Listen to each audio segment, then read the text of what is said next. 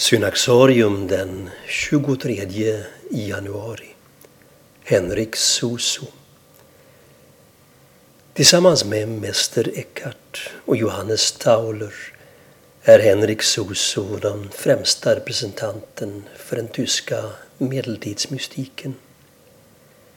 Han levde en stor del av sitt liv i dominikanernas incellkloster beläget på en halvö i Bodensjön intill den vackra staden Konstans i Schweiz.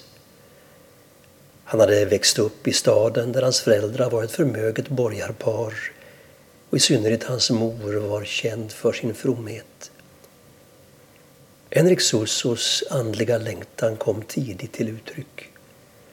Som barn brukade han plocka blommor som han fäste vid en bild av jungfru Maria. Vid ett sådant tillfälle kom han i hänryckning. Han hörde och såg änglar sjunga Guds lov. Redan vid 13 års ålder inträdde Henrik i Dominikanklostret. Till en början nöjde han sig med det tämligen konventionella andaktsliv som han såg flera av bröderna praktisera. Men efter några år fångades han allt mer av de böcker i Gamla testamentet som ägnade den himmelska visheten sin uppmärksamhet. Om visheten skriver han Henne fick jag kär och eftersträvade henne alltifrån min ungdom.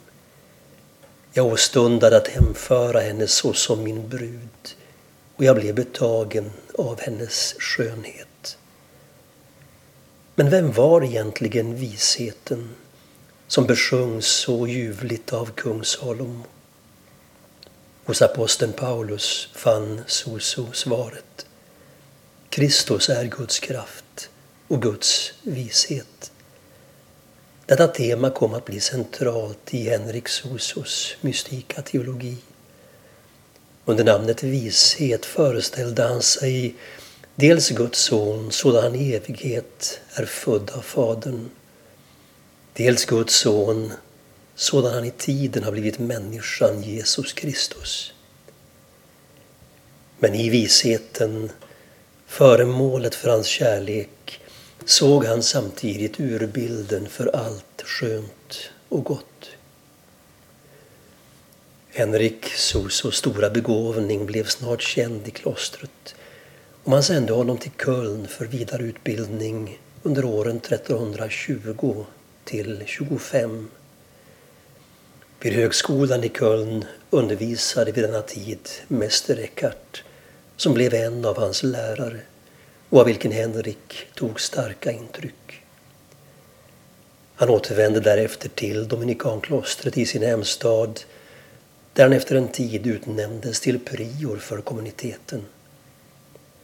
Senare verkade han även under en period som vandringspredikant. Henrik Suso skrev bland annat boken Den eviga vishetens ur en passionsbetraktelse som kallats den tyska mystikens skönaste frukt.